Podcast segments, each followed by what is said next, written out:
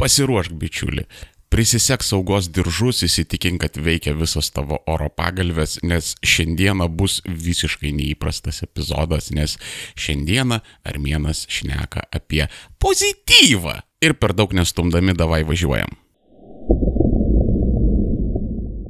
Ir tu jau turbūt, mano mielasis klausytojo arba klausytoja, tu turbūt jau pripratęs prie armėno tokio standartinio chrestomatinio išdūrinėjimo, tokių ironiškų bairių, kad tarsi pradeda apie vieną, o pabaigia apie kitą. Tu galvoji, kad va čia va yra sarkazmas, čia yra ironija, nes aš ištisai kalbu, kaip čia blogai, čia Jurbargas, čia MG Baltikas, kaip ten rajonus bebrai ir seni krepai yra yra užvaldę vos ne nuo sovietmečio sėdintis čia mentų bespridėlas, baudžiakas užkaseka, kas čia dabar darosi, viskas blogai, viskas per šikną žiniasklaidą nedirba. Ir jo, aš labai puikiai suprantu tavo iš ankstinį nusistatymą, nes fool me once, shame on me ir taip toliau ir panašiai. Bet tikrai nuoširdžiai aš tau sakau, neapipisinėjau tavęs, mes šiandieną kalbėsim apie pozityvą ir apie pozityvą Lietuvoje, kad čia visai yra neblogai, šaunu ir pakankamai prikolina gyventi. Ir žinai, kada man tas suvokimas atėjo? Sykis grįžtų iš Vilniaus, važiuoju į Kauną ir Vilniaus gale turbūt, žinai, ten savanoriuose po dešinį yra Nestės degalinė, aš labai mėgstu Nestės degalinės, čia truputėlį reklamos. Šitą epizodą remia Nestė degalinės. Nestė degalinės, ahujenai. Karočią, uh, aš labai myliu Neste, nes tai yra tiesiog fucking degalinė. Tai nėra ten kaip koks, nežinau, tas statoilas, aš atsisakau jį vadinti Circle Case, man buvo ir bus statoilas, kaip ten koks nors statoilas, ar ten tie buvę lukoilai, dabar ten visokios viados ir panašiai, kur tu garočią stovi prie tos kolonėlės ir lauki tos savo sušiktos eilės, nes ten kokie nors FIFA nesugeba išsirinkti tarp ekspreso ir mačiato ir galvoja, o čia dabar man dvigubą hotdogą paimti, o jeigu dviguba, tai čia man su mediste ar dešrelė, ar su medžiotoju. O gal geriau su kumpiu ir sūrio dešrelė, o gal vis dėlto burgerį, nes užkalnis rašė, kad labai geri burgeriai yra pastatoilą pardavime. Nu, karočią, ta, ta visiškai užknisa ir aš e, realiai standartiniam degaliniam naudojuosi tada, kada nėra nestės ir tada, kada man ten, nežinau, reikia ten cigarečių nusipirkti, ten, nu, vad kažko pat staigiai prisireikia ir nėra parduotuvės pašoniai, tai tada aš vartoju degalinį degalinę ar ten kavytės į save įsipilt ar panašiai. Nes, nu, e, banaliai įsipilti kūro standartinėse degalinėse tai jau yra kažkoks vos net traumuojantis reiškinys, ypač piko metu. O Neste yra labai afigena, nes sakau, ten tiesiog yra just fucking degalinė, tu nuvažiuoji, įdedi pinigų arba įdedi kortelę ir gauni kūro. Viskas, jokių ten hodogų, jokių riešutukų, jokių specialių pasiūlymų kavytei, jokių ten lipdukų, ten surink penkis ir nusipirk karočią tašę iš AliExpress už 25 eurus kuri realiai kainuoja ten 7,50 iš to paties AliExpreso.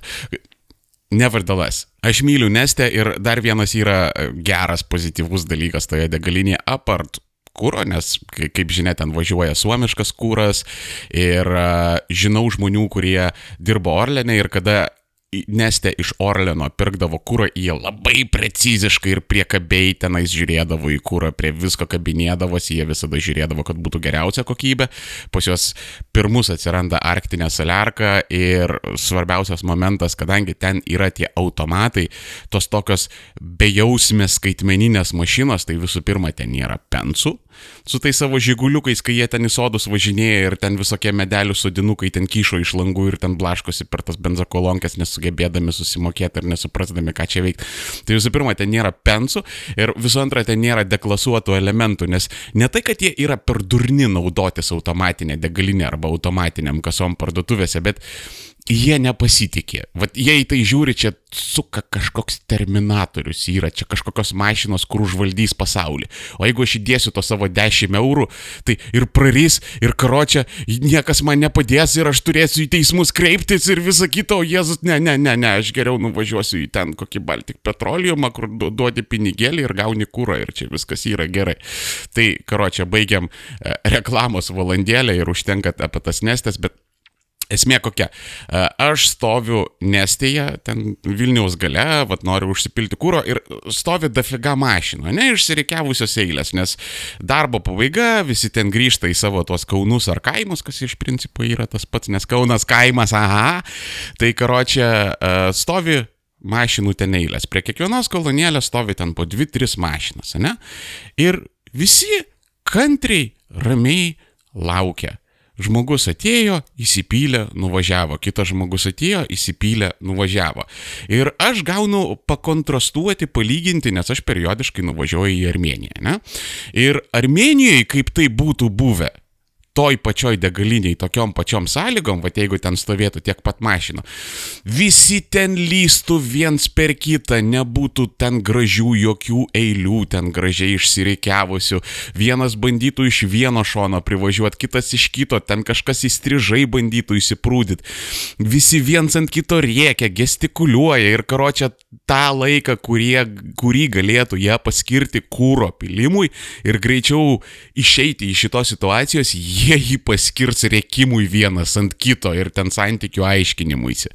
Ten būtų signalinama, ten garsiai grotų ten lesginka, ten karočią rūkytų degalinėje, ten dažnai degalinėse rūko, čia rimtas bairis yra.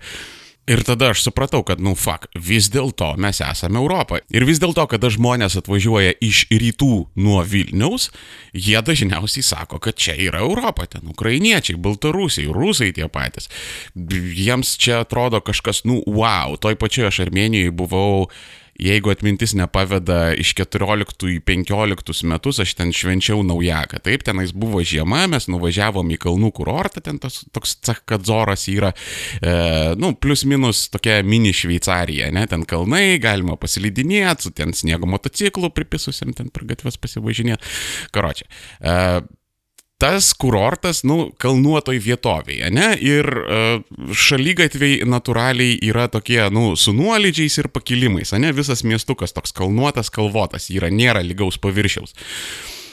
Prisnygo normaliai ir mes ten buvom keletą dienų ir va tu vaikštai tuo šalygatviu, jis yra neišvalytas, nepabarstytas, ten jau sutrombuotas tas sniegas, tas, žinai, toks gaunasi tas lygus, tokios sutrombuotos sniegledžio paviršius, dar ten biški saulė pašvečia, iš viso ten plikledis gaunasi, mašinos lydinėja, čiūžinėja, nes ten nėra privaloma turėti žieminės padangas ir daug kas su vasariniam padangom kalnuose važinėja.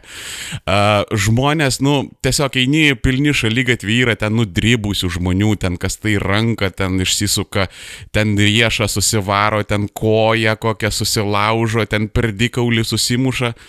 Ir žinai, aš ten keletą dienų pabuvau ir aš supratau iš tiesų, ko, kaip daug yra vertas tas fucking švarus šalygatvis kaip tu greitai tokio dalyko pasilgsti. Tai, kas mums didžiuosiuose miestuose ir absoliučioj didumoji Lietuvos yra savaime suprantamas dalykas, taip, ten gal kokiuose ypatingai ten mažuose kaimuose ir miestukuose tų šalygatvių nelabai ir valo, bet didesnėje gyvenvietėje viskas yra nuvalyta, sutvarkyta, keliai nuvalyti ir įsivaizduok, kaip yra labai faina važiuoti į Armenijos kalnus sudaužytais, sudubasintais Armenijos keliais ant vasarinių padangų. Ir dafiga žmonių taip daro. Tai, žodžiu, va tas švarus šalygatvis kada tu iš ten grįžti, nu, gaunasi kažkoks vos ne kaip technologinis stebuklas. Tai yra, tu ryte atsikeli ir karočiai jis yra švarus. Tu nematėjai, kas tenais ką padarė, kas ten atėjo, ar naudojo, nenaudojo kažkokią techniką, bet tu pradedi darbą ir jeigu tenais nebuvo labai didelės pugos, ar ten kokios, nežinau, audros, ar ten staigiai prikrovė dafiga sniego ir vėl kelininkai buvo žiemai nepasiruošę, atmentant tos tokius ekstremalesnius atvejus, daugiau mažiau tu va 8 ryto važiuoji į tą savo sušiktą korporatyvą, keliai nuvalyti, šalygatviai nuvalyti. Taip, ten vienoje kitoje vietoje gal ten laiptų kažkas nepabarstė, bet žodžiu, čia yra prisikabinėjimai absoliutus. Nes in general paėmus, kad in general pas mus keliai ir šalygatviai būna valomi, tai yra kažkas tokio wow. Nes aš vėlgi tą pačią Armeniją atsimenu, ten įsivaizduokit, vieną dieną jau kada ten taip normaliai prikrovė sniego tame kurorte, kada jau buvo, nu, jau visi buvo nepasitenkinę ir galbūt ten nežinau, koksai nors ten dignitarijus atvažiavo, nežinau, bet vienu žodžiu, nei iš šio, nei iš to ten ar tai savivaldybė, ar dar kažkas atvarė kamazą žvyro.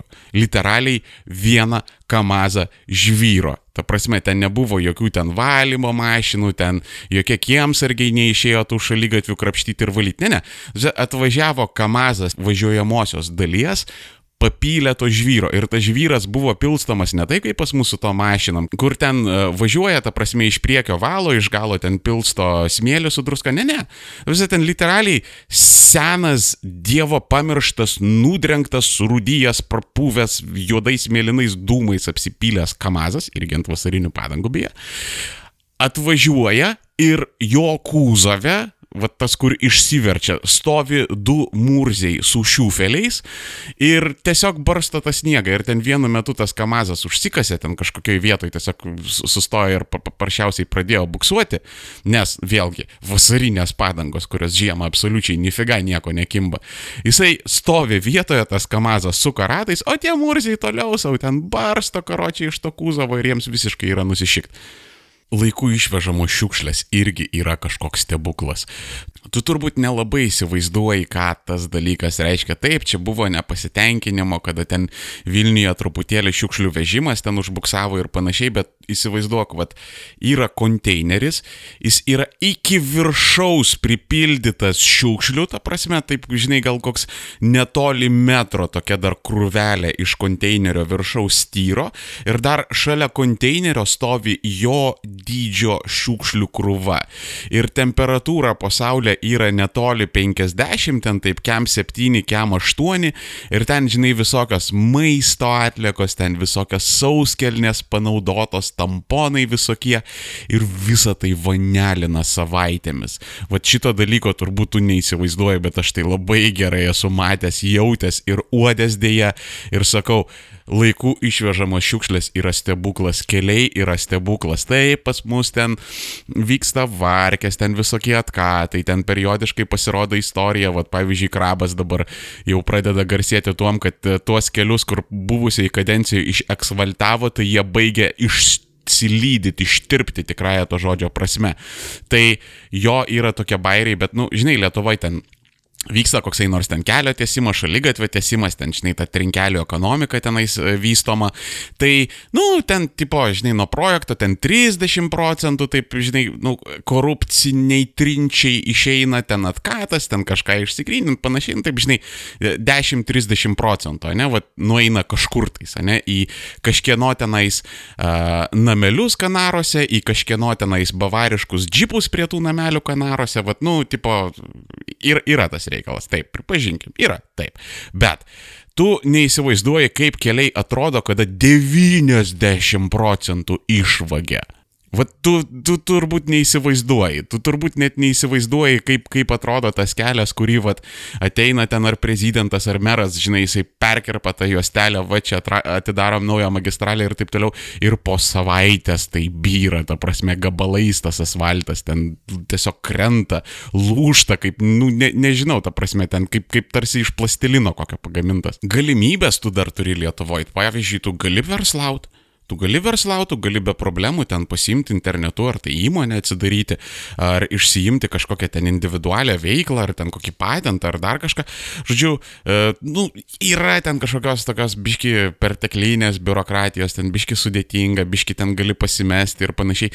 Bet žinai, nėra tokių dalykų kaip į rytus nuo Vilniaus, kur ten pavyzdžiui kiekvieną rajoną ir regioną pasijėmęs ten, žinai, kažkoks ten tėtė, ne, ten koksai nors atvierchas ten klano vadovas ir panašiai, jeigu čia kalba yra apie viduriniuosius rytus.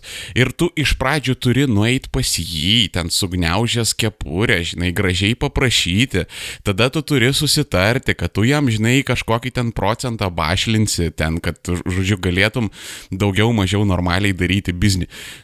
Lietuvoje nėra tokių dalykų. Nu, gerai, yra ten vienas kitas rajonas, regionas, kur ten užėmė viską ten seni usuoti bebrai, kur, žodžiu, nelabai ne tu ten kažką padarysi, arba tu dirbi jiems, arba tu iš viso nedirbi, bet, nu, viešpatekame problemos, ta Lietuva yra mažutė, nu, tu gali paimti, išsikraustyti iš to savo kalabybiškės, nuvažiuoti kitą ten kalabybiškę, kokį ten dročienų rajoną, kur ten yra ramiau, normaliau ir pradėti vystyti savo veiklą biurokratija. Tarkim, e, jo ten visi skundžiasi, vat, e, atsukit ten e, mano senus ten grinos tiesos podkastus, aš irgi ten kada stradalinau ten tuo galvos smegenų libertarizmu, tai irgi ten baisiai engiau biurokratus, ten oi čia baisu, ten visa kita. Nuvažiuokit į vakarų Europą.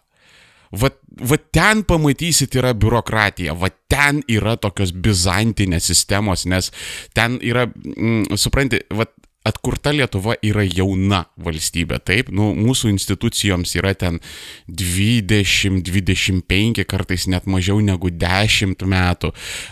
Taip, yra keletas institucijų, kurios atėjo kaip nu, perėjo iš Sovietų sąjungos, ne kaip toks paveldas. Yra ten viena kita, kur galėtų daugiau tų dešimtmečių paskaičiuoti. Bet fundamentaliai viskas pas mus yra labai nauja. Vakarų Europoje yra valstybių, tarkim, ten kokia Didžioji Britanija, kur ten įstatymai nuo 16-17 amžiaus yra galiojantis, kur ten sistemos yra veikiančios nuo 18, nuo 19 amžiaus. Ir, nu, tai sąlygoja tokią labai didelę, labai nepaslankę biurokratiją. Taip, ta biurokratija, jinai dirba savo darbą bet jinai yra labai lėta, tai yra labai didelis aparatas, kur kol įsisuka visi krumpliaračiai, tai nu tu ten tiesiog spėji pražilt, numirt, reinkarnuotis, dar kartą pražilt, numirt ir tada kažkas įvyksta. Ir yra kontrastus, vad į rytus, vėlgi, į rytus nuo Vilniaus, prašau, ten biurokratija neveikia. Jinai kažkokia yra, bet jinai paprasčiausiai neveikianti, nes daugumą dalykų tu sprendi, nu, kyšiais tu eini ir už kiekvieną šūdą susimoki. Ir jo Lietuvoje ten yra tokių problemyčių, kad pavyzdžiui, jeigu nori ten uh, greit pas gydytoją papultą, ne, ar ten greit uh, gauti kažkokią konsultaciją ar panašiai, taip tau reikia, žinai, susimokėti. Nu, yra tokių disonansų, bet vis dėlto, žiūrint, kai yra tos dvi sistemos, arba viena klaikiai bizantinė nepaslanki, arba kita tiesiog banaliai nefunkcionuojanti, tai mes esam tokiam palyginti neblogam vidury. Nes e, aš tai pastebiu paskutinius penkis, septynis maybe metus, kad jo yra vis dar ten koks, nežinau, darbo biržos ten debilas, ar ten kokios mokslo įstaigos ten kavutė gurkšnojanti, ten genutė ar jėdvyga, kur uh, tau nieko nesugeba išaiškinti, pasišinėki su tom trim jėdvygom išgirsti ten vieno klausimu penkias atskiras nuomonės, bet, nu, daugiau mažiau biškutį įdedi laiko, biškutį randi tą departamentą ir tą žmogų, kur šarina, tada ten per, per jį pradedi aiškintis, gauni visus atsakymus, daugiau mažiau dabar nueini ten ar į sodrą ar VMI, daugiau mažiau ten, žinai, 80 procentų tau kaip ir padeda išspręsti tavo problemas, daugiau mažiau yra tenais visi sukalbami ir taip ten periodinės istorijos pasikartoja, kaip žmonės vaikšto ten, nežinau, pusę metų ten rankioja ten duomenys iš departamentų, departamentėlių, kad ten išsipirkti ten, nežinau, kokį nors ketvirčio aro sklypą ten po savo namu, ne? Tai jo yra tokie dalykai, bet, nu, žinai, kada tu palygini su vėlgi tą pačią vakarų Europą, kur, nu, tiesiog ten metų metais gali užsitęsti. Yra ir išimčių, yra ir kur greitai daro, ir pas juos yra, e, nu, kontrastai, yra įvairiausių dalykų, ne? Bet, nu, in general ten yra tokių baisių sistemų. Arba yra kitas variantas, vėlgi į rytus nuo Vilniaus, kur uh, Arba tu tiesiog turi nešti kyšius, arba atsitinka tokia situacija, kai ten koksai nors vierchas arba hūras, jis paprasčiausiai gali ir paimti sklypą iš po tavo namo, arba iš viso tave, žinai, iškraustyti su visa šeima, taip nezahu ir, žinai, pasiimti tavo visą namą. Tai, nu, palyginus yra žiauriai gerai. Internetas. Internetas, hebrytė, mes vėlgi nevertinam šito dalyko. Dabar, nu, nežinau, pasivaikščiok su mobilka, ten irgi bet kurioj kalabybiškai ten veikia 4G. Kai tuo tarpu e, vėl ar ten ta pati vakarų Europa, ar ten rytų Europa, giliai rytų Europą, ne, aš ten šneku buvęs NVS ir panašiai. Tai ten realiai 4G, nu, tipo didieji miestai, didžiosios magistralės ir viskas. ir tu ten kažkur, žinai, biš, biškutį į šoną nueini ir ten viso tau edge karočią, ar ten koks HSDPA ten pradeda veikti. Nu, Plus, uh, internetas yra visur, visose didžiuosiuose miestuose yra šviesolaidis. Net kolektyviniuose soduose daug kur yra pravestas telefonas ir ten gali gauti daugiau nei respektabilų, ten pavyzdžiui, DSL-inį. Kai tuo tarpu visa ir vakarų, ir rytų Europą, jie gyvena ten su greičiais, nežinau, ten 10 megų, 15 megų ir tarkim, nu, pas mus Lietuvoje ten 100 megų, tai toks skaitosi, nu, tipo, nu, toks visai pohui, toks, žinai, nu, tipo, minimalus greitis, ne, tipo, nu, su tokio galima gyventi. O tarkim, vakarų Europoje, tai jie už 100 megų, ką mes Lietuvoje ten mokam, kitas iki būna planų net iki 10 eurų per mėnesį, taip. Tai vakarų Europoje, kad 100 megų gaut, tai kitas iki reikia ir 50, ir 60 eurų sumokėti. Tuo tarpu už 50-60 eurų Lietuvoje tu gauni fucking gigabitą. O rytų Europoje pamiršk, gigabitą pamiršk, ten nebent kokiam ten pakazūchiniam, ten Skolkovo slėnyje, ten toks dalykas yra atvestas ir ten per visą šalį jų yra 2 ar 3, e, ten 100 megų pasvajok, 300 megų tuo labiau, karo čia va, žinai, ten tau 30-50 ir būk laimingas. Aš ten dažnai peikiu e, mūsų senąją gerąją tradicinę žiniasklaidą, bet, žinai, e, pas mus yra visos galimybės rastis į alternatyviems kanalams. Pas mus atsiranda visokiausi influenceriai ir šarinantys žmonės ten Facebook'ose, bloguose, ten YouTube'ose. Vieną kitą gali atrasti, vad kur tau patinka ir kuris dalinasi normaliai ir vertinga informacija. Tai ir tai nėra taip, kaip ten, nežinau, kokiai Baltarusijoje ar ten Putino Rusijoje, kur, nu, realiai visos alternatyvios nuomonės ir naujienos yra nuvaromas arba absoliučiai į paraštę paraštės, arba su juom ten eina tvarkytis ten kokie nors silovikai ar omonininkai. E, aš kol kas nelabai girdėjau, kad ten kokį nors youtuberį bandytų su naručnikais išsitemti. Ten, nu taip, ten buvo biški kažkas užpsichavę, ten vaidotą padavė į teismą, kur ten karočią kaip liudininkai ir egzorcistą kvietė čia, karočią, just your Eastern European borat things. Bet, uh, nu, in general, vėlgi, tai yra, nu, toks labiau išimti išimtinis atvejis, kuris nebaisiai patvirtina taisyklę. Ir apskritai kalbant ten apie video blogingus, apie podcastinimus ir ten panašius dalykus, mes galim kaip po visuomenė leisti savo išlaikyti visuomenės parazitus. Ta prasme, aš e, visiškai neslėpiu, kad aš, kaip ten finansų konsultantas ir podcasteris, aš esu fucking visuomenės parazitas. Aš ten nesu toks e, jautrios dušios veganai, kaip ten kai kurie piaršikai ar marketingistai, kad ten, ne, mes vis dėlto kuriam pridėtinę vertę ir mes esam reikalingi. Nu, come on, vat, nu, čia kaip mes e, per rinkimų streamą su kuodžiu šnekėjo, mane, vat, jisai sakė, kad, nu, blecha, ko, ko žmonės pirmą pasigesta, jeigu kažkas išnyksta, ne? Bankininkų nelabai pasigesta, piaršikų nelabai pasigesta, marketingistų nelabai pasigesta, o pasigesta ten šiukšlių vežėjų, mechanikų, elektrikų, ten statybininkų, vairuotojų ir panašiai. Ir aš labai aiškiai suvokiu, kad jeigu aš vartyčiau ten šašlus, kokioj kebabiniai, kad jeigu aš ten taisyčiau skalbimo mašinas, taisyčiau butus, aš visuomeniai būčiau gerokai naudingesnis žmogus ir aš esu tam tikra prasme ir labai didelė prasme visuomenės parazitas. Bet tai yra gerai, nes mes jau ateinam į tokį pasiturėjimo lygį, kad jau mes galim tuos parazitus ten kaip aš, ten nežinau, ten Jėgelavičiūtė, tas pats Vaidotas, ten Olegas, ten taip toliau ir panašiai, mes juos galim išlaikyti. Žinoma, tai dar yra taip e, labai tokia embrioninė stadija, iš to gyventi yra labai sunku, nes, nu, tarkim, e, tas pats Vaidotas, kurio ten YouTube kanalas yra ko gero vienas didžiausių Lietuvoje, jisai ten į mėnesį pasidaro septynias štukas eurų. Kažkas tai tokio, ne? Čia man vienas žmogus pasakojo, suriukas, nepatikrinau šitos informacijos, tai jeigu pritriochlinau, tai parašyk mano pačioj komentarė.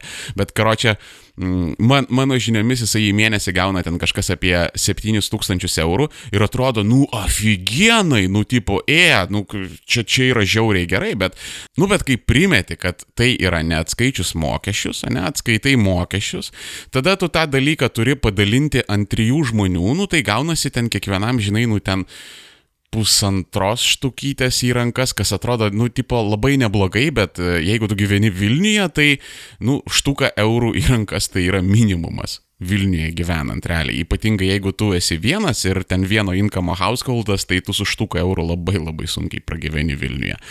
Ir plus dar atsiranda tie tokie dalykai, kad tau vieną mėnesį, žinai, gali įkristi ten 9 tūkstančiai eurų, kitą mėnesį gali ir 10 ir 15, o trečią mėnesį tu ten, žinai, keli šimtus eurų pasidarai, ne?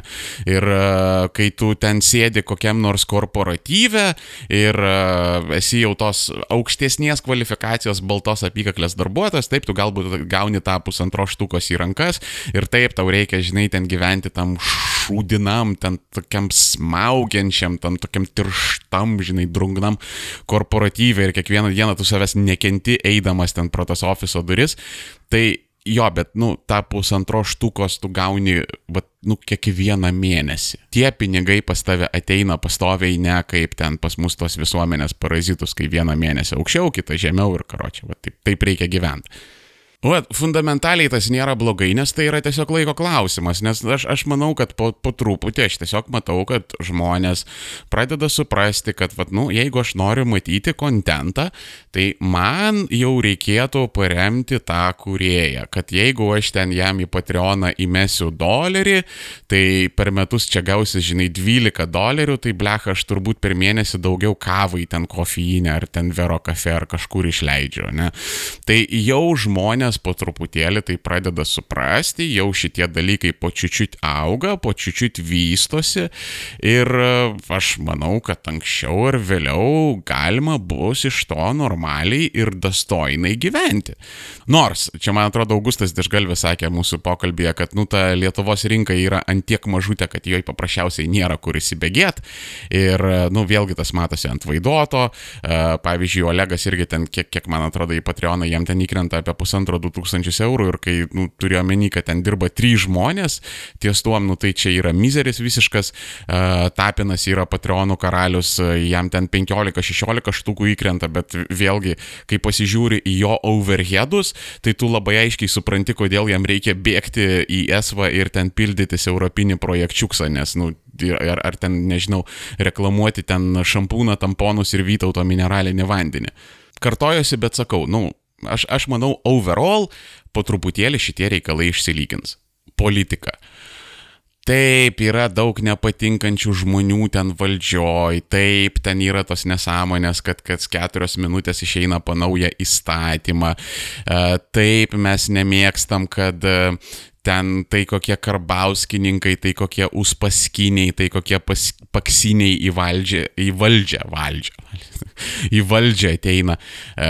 Nu jo, okei, okay, čia vis ten prietaisai, visi ten visaitės panašus bairiai, ten bebrai, hujebrai.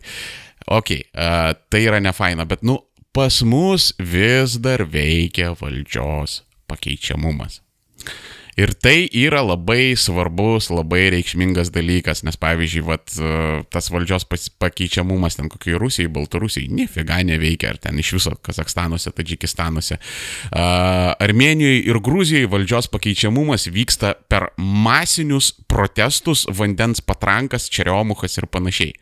Pas mus šitas demokratinis instrumentas veikia kuo puikiausiai. Vat, nu, valstiečiai čia dabar bandė viską.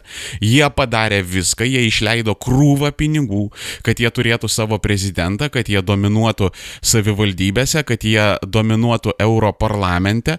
Ir aš manau, kad jie sunkiai artileriją pasileis ir ant 20 metų Seimo rinkimų.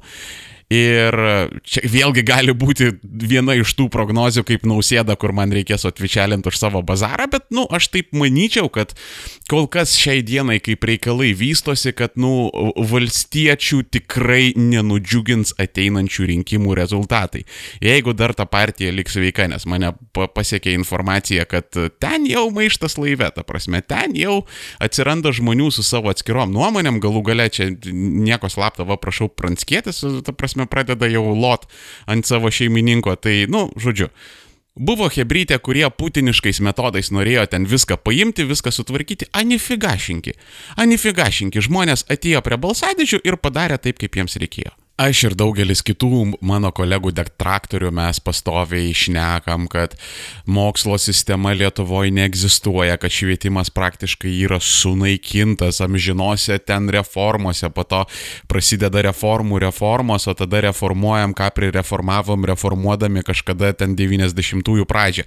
Žodžiu, e, daug galima blogo pasakyti tenais ir apie pradinės mokyklas, ir apie e, profesinės mokyklas, galima ypatingai daug daug pasakyti apie aukštojo mokslo institucijos, kurios dabar yra patapusios į tokius, nu, kioskelius, kur ten išrašinėja diplomukus, nes, nu, karo čia dabar e, su, sufeilinti ir nepabaigti universiteto, čia, žinok, reikia labai daug pastangų įdėti, nes paskui tave visada lakstys ten dėstytojai, kad tu tik tai atsiskaitytum, ten pritempinės tavo pažymį, kad tu ten vos ne vos pasibaigtum tą savo aukštai ir vat, mes gautume tą savo dotaciją, ar iš tavo tėvų gautume tą pinigėlį už mokslą ir viskas, ir karočiai, ir kad į tavo vietą sekantis ateitų. Taip yra tie dalykai, bet e, žmonės vis dar nori mokytis, žmonės vis dar turi alki mokslui tam tikrą prasme jis yra iškreiptas, nes, nu, tarkim, pas mus dabar atsirado daug tokių visokių irgi visuomenės parazitų, ten uh, kokių nors coacherių, gyvenimo būdo konsultantų, self-helperių, ten self-helpo knygų, ten numesk svorį, ten per dešimt dienų, ten kažkokių ypatingų dietų, ten taip toliau ir panašiai. Vat, nu, jo, randasi šitie dalykai Ir jie yra labai seni ir giliai įsišaknyje ir jie turi labai didelį populiarumą, bet tai nėra būtinai labai blogai. Vis dėlto tai yra indikatorius, kad žmonės nori patys iš savęs keistis, ne visada jiems gauna, dažniausiai jiems nesigauna, ne, dažniausiai žmogus paskaito tą self-helpo knygą, va, o čia nuo rytoj pradėsiu ir tas rytojus taip ir niekada neteina, arba ten nueina į tą seminarą, sumoka tą 160 eurų ir jo, va, irgi aš jau čia keičiuosi visą kitą ir po savaitės ten jau viskas būna švariai pamiršta, bet vėlgi, nežiūrinti tai, šitie visi dalykai, tas jų populiarumas reiškia, kad jo, žmonės ieško paprastų išeičių, bet jie išeičių ieško. Ir prie to ten visi čia kėlė visuotinės panikas, čia antivakseriai, čia sakysim, mokslas Lietuvoje miršta, žmonės nesupranta paprastų mokslinių ten dalykų ir panašiai.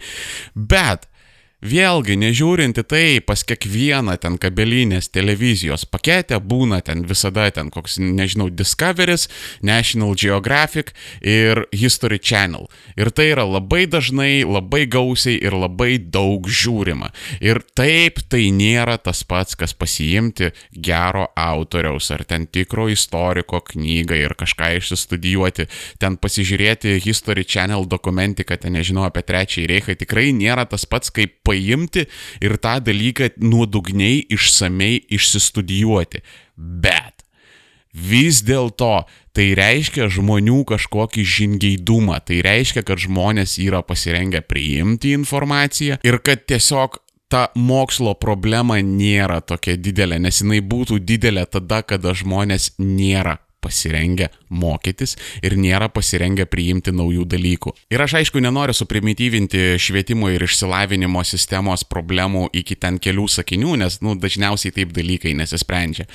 A, tai turėk šito omenyje, kad aš tai labai primityvinu ir čia bus labai karikaturizuota, bet mano grinai subjektyvė nuomonė, kad jeigu ten biški paderinti reikalus su finansavimu, investuoti į žmogiškuosius išteklius ir tą mokslą padaryti, nu, tokios formos, kad jisai būtų vartojamas ir prieinamas, Tai aš manau, čia masės žmonių su mielu noru eitų ir vartotų tą dalyką ir ten vos ne kas antras, kas trečias runkelis mokytųsi apie kvantinę mechaniką. Jeigu tai galima būtų teisingai pateikti. Na, nu, vėlgi, aš čia labai smarkiai suprimityviniu. O viešpatė, taigi kelių kultūra, dieve, čia mes irgi ten uh, šnekam ant tų kelių gaidelių, ta prasme, čia karas keliuose ir visa kita, bet, nu, žinai, aš kada pradėjau 2004 metais vairuoti, Ir kaip atrodo eismas dabar, tai yra, nu, visiškai diena naktis, žinok. Prasė, tada, kada aš pradėjau vairuoti, tai buvo absoliučiai įprasta ten pripisus sėsti mašiną ir ten kažkur važiuoti. Taip, kaimuose dar vyksta šitie dalykai, bet čia, nu, realiai yra periferijos klausimai. Didesniuose miestuose tai jau pradeda po truputėlį nykti. Nu ir aš, aš žinau, ir atveju, kur ir didesniuose miestuose ten um, hebrytę padaugina ir sėda ir ten kitas iki ir avarijų pridaro ir ten dar kažko, ne, Radzevičiau. Tai jo, bet čia tokie, nu, išskirtiniai atvejai, apie tai spauda šneka, uh, tai labai yra išgarsinama, tai yra labai nes, nu, nes, nu, ta prasme, tai yra toks, dabar jau visuotinai priimta, kad tai yra, nu, labai blogas elgesys. Anksčiau tai buvo norma. Anksčiau tai ne tai, kad nebuvo blogas elgesys, anksčiau tai buvo norma.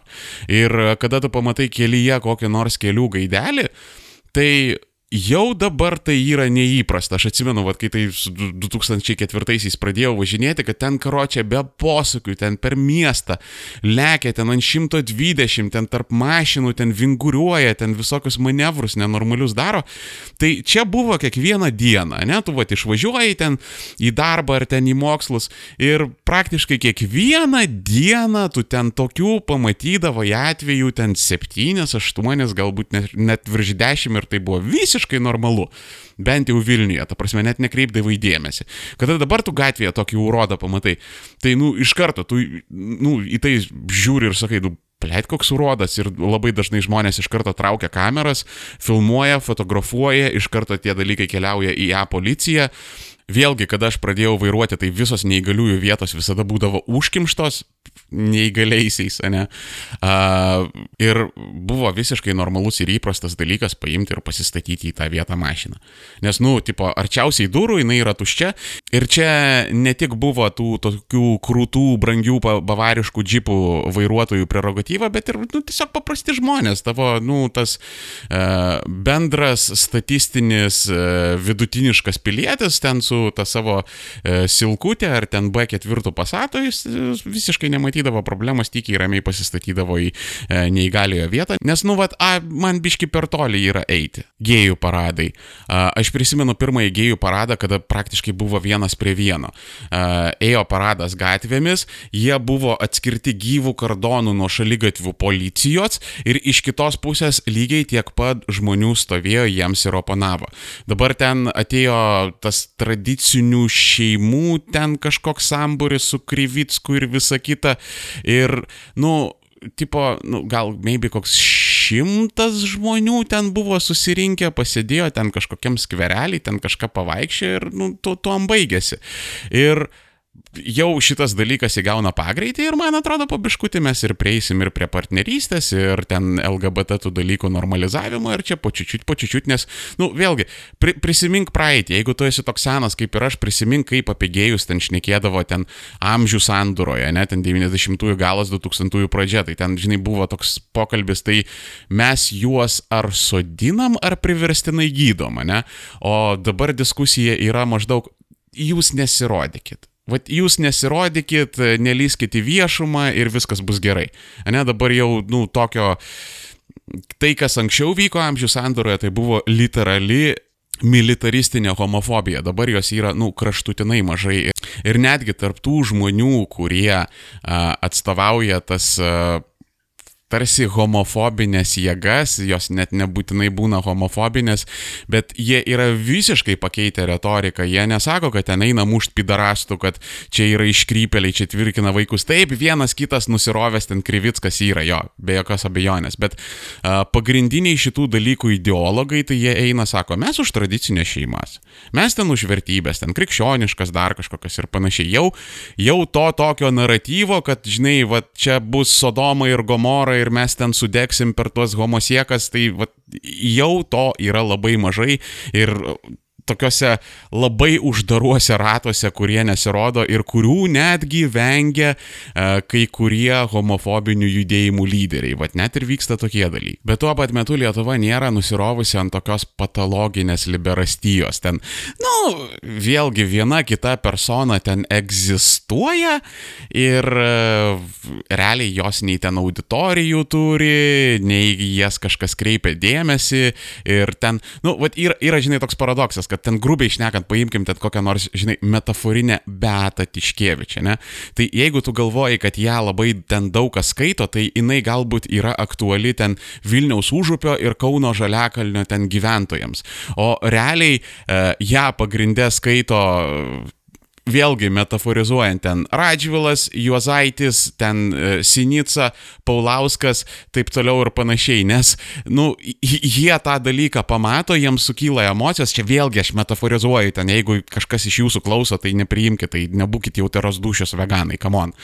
Tiesiog metaforizuoju. E, jie tai pamato, jiems užverda šūdą, jie atsidaro tą straipsnį ir jie heitrydina šitą dalyką, čia lygiai taip pat kaip ir su užkalniu buvo, nes uh, užkalnis taip jisai ten turėjo savo fanų, bet aš manau, e, neturiu tam duomenų ten šitam dalykui pagrysti, bet aš taip įsivaizduočiau, kad iš jo tenai skaitytojų buvo ten koks pusė jo tikrų ten die hard fanų, o kita pusė buvo tie, va, žinai, Vasiliauskaitės, ten tie visi tokie uh, nutukę ryžabarzdžiai tenais iš universitetų socialinių mokslų katedros NVO lesbietiškų interpretacinių šokių katedrų ten vadovai ir uh, ten visokie seni sovietinio raugo ten buvę įspalkomų ten direktoriai ir panašiai. Vat kita pusė auditorijos tai vad buvo tie, kurie tą užkalnį fucking heitrydindavo. Tai irgi ten šnekantas personos, tas metaforinės, ten tos tiškievičiai ir panašiai, tai, nu, jos nelabai yra aktualios, jos nelabai yra įtakingos ir visas jų ten tas hypas ir e, visa ta jų auditorija dažnai susiformuoja iš tokių heitrydintojų.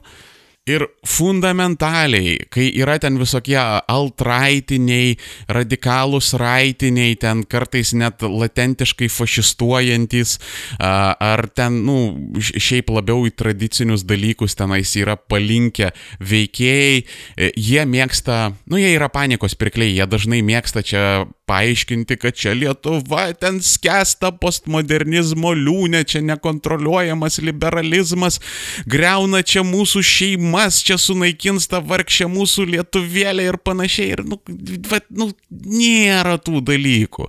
Nėra.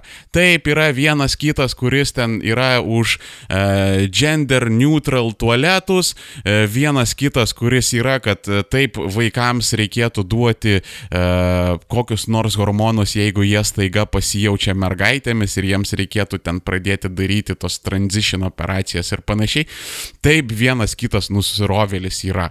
Ir hebrytė tie, kas rėkia, tai jūs būtent išgarsinat jų signalą. Realiai jie būtų visiškai neaktualūs, bet jeigu jūs juos nebaksnuotumėt pirštu, apie juos nerėktumėt ir neheitrydintumėt jų straipsnių, tai jie realiai net ir išnyktų iš viešumos. Bet šiaip fundamentaliai Lietuvoje paėmus, ne, pasivaikščiokit tarp žmonių. Kiek yra už uh, lytiškai neutralius tualetus? Kiek yra už valstybės finansuojamas lyties keitimo operacijas?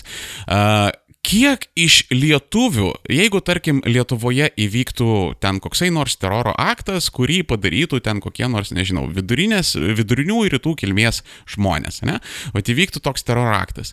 Kiek žmonių pradėtų čia garsiai aiškinti, kad žinokit, čia yra kultūriniai nesusipratimai, mums tai reikėtų priimti, va kaip Makronas, ne? Makronas, man atrodo, ten po vieno prancūzijos terakto sakė, kad, žinot, va, terorizmas čia yra naujoji norma, mums reikėtų čia susitaikyti ir panašiai. O kiek tokių žmonių būtų gyvenime, ekranuose, laikrašiuose ir portaluose, versus kiek žmonių eitų į tuos pačius outletus ir rėktų, kad, kad mums su šituo nereikia taikstytis, mums su šituo reikia kovoti ir susikiškit tuos savo kultūrinius nesusipratimus į šikną.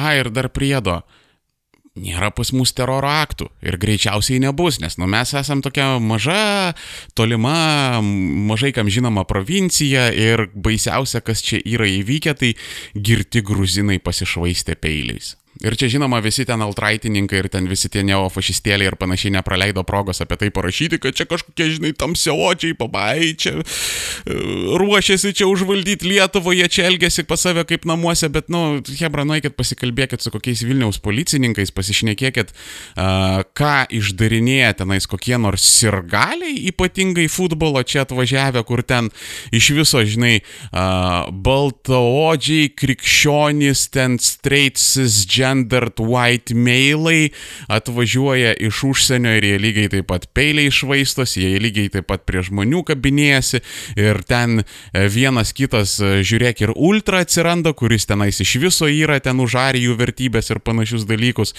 Ir e, jie atrodo absoliučiai kaip ten vos ne iš Hitlerjugendo katalogo, bet, vat, nu, jie daro panašius dalykus ir jie tom užsiiminėja, bet kažkodėl mes apie tai nebaisiai girdim. Kažkodėl, va, ten koksai Zepelinusas, jisai nepuola apie tai rašyti, kad ten koksai nors uh, skandinavų uh, futbolo fanatikas ten su armatūra pradėjo ten švaistytis ten katedros aikštėje, ten kaip PVZ. Jeigu toks bairis būtų, tai aš abejoju, ar jisai bevelytų ten kažką apie tai rašyti ir pranešinėti. Arba jeigu parašytų, tai išviniotų kaip nors, kad žiūrėkit, iki ko skandinaviškas leftizmas ir postmodernizmas davedė žmonės. Tai va, nėra pas mus teroro aktų, nėra pas mus eisminio aktyvumo. E, klimatas daugiau mažiau žmoniškas. Nu, ten gerai, ten mažokai truputėlį saulės, ten žiemos truputėlį per ilgos, bet, nu, pasišnekėkit su kokiais Islandais ar Norvegais, ne? E, šiauriniais Norvegais. Kai ten Islandijai, ta prasme, plus 14, plus 16, tai čia jau, žinai, vos net degintis galima. E, pas mus nėra ten rimtų kažkokių socialinių problemų. Pas mus, pavyzdžiui, nėra tokių bairių, kur ten kaip Belgija, ne, kur ten yra dvi bendruomenės jos absoliučiai ten vienas su kita nebendrauja, dažnai neteina ant konfrontacijos ir visiškai dirbtinai susegreguota e, ir suskaidyta valstybė. Pas mus net su nacionalizmu nėra problemų. Mūsų patys didžiausi, stipriausi, įtakingiausi ir pavojingiausi nacionalistai tai yra Lenkų rinkimų akcija. Vienu žodžiu, Hebrytė. Chill. Viskas yra neblogai. Nebūtinai gerai, nebūtinai idealu, bet tikrai nėra blogai. Ir ne, žiūrėk, uh, draugužė arba draugužė, mano mislingasis išvalgusis klausytojau. Aš nesiuošiu keisti savo repertuaro, aš nesiuošiu ten varyti apie ten pozityvą ir panašiai, nu, tiesiog, e, ką matau apie tą ir dainuoju.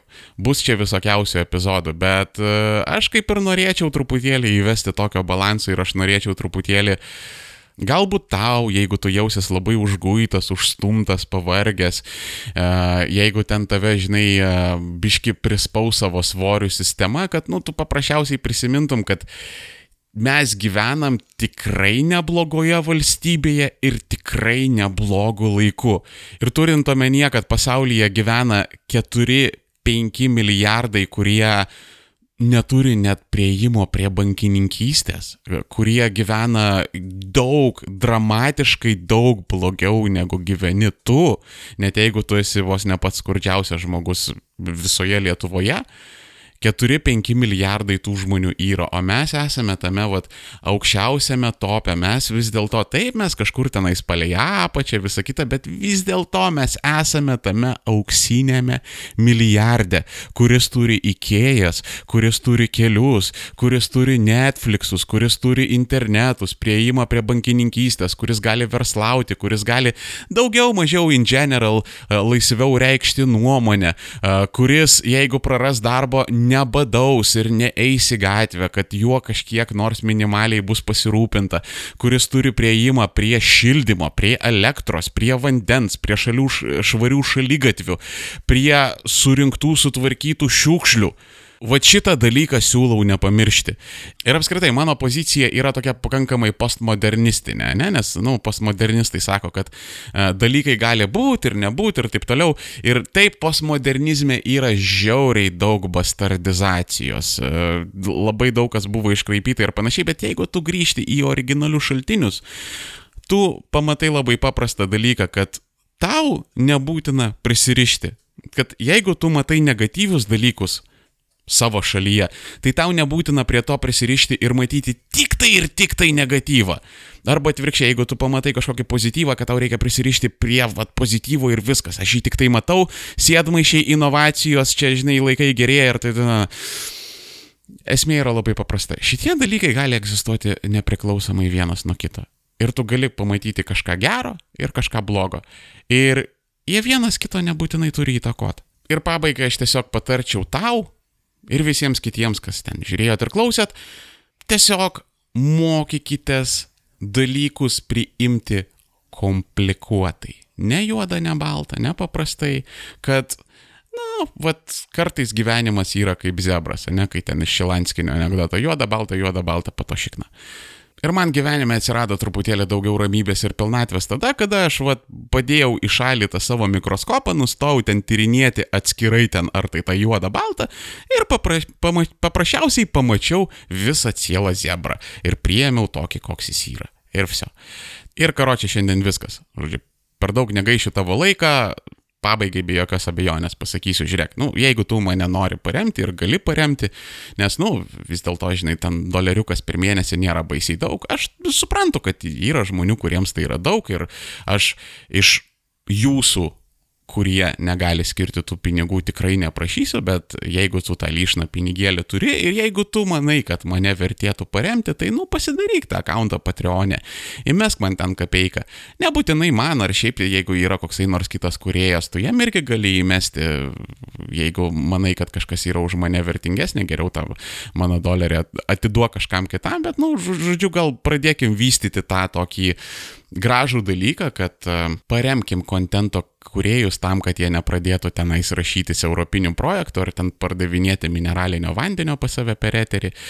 Ir e, jeigu tu nori ten kriptovaliutą atsikratyti, irgi visi linkai yra apačioj ten šalia Patreono linkų, e, tu man gali su Brave browserio tokenais padėti, jeigu pas tave tokių galimybių nėra, tai tu mane gali ten kažkam parekomenduoti, tu gali palaikinti, pasubscribinti, ten pašėrinti, pakomentuoti kažką, žinai Jeigu tau viskas čia nepatiko ir viskas yra blogai, nu, visų pirma, be jokio sarkazmo aš tau rekomenduoju pasimti mikrofoną ir pabandyk padaryti pats kažką. Žiūrėk, gal išeis ir nukonkuruosi tą debilą armėną.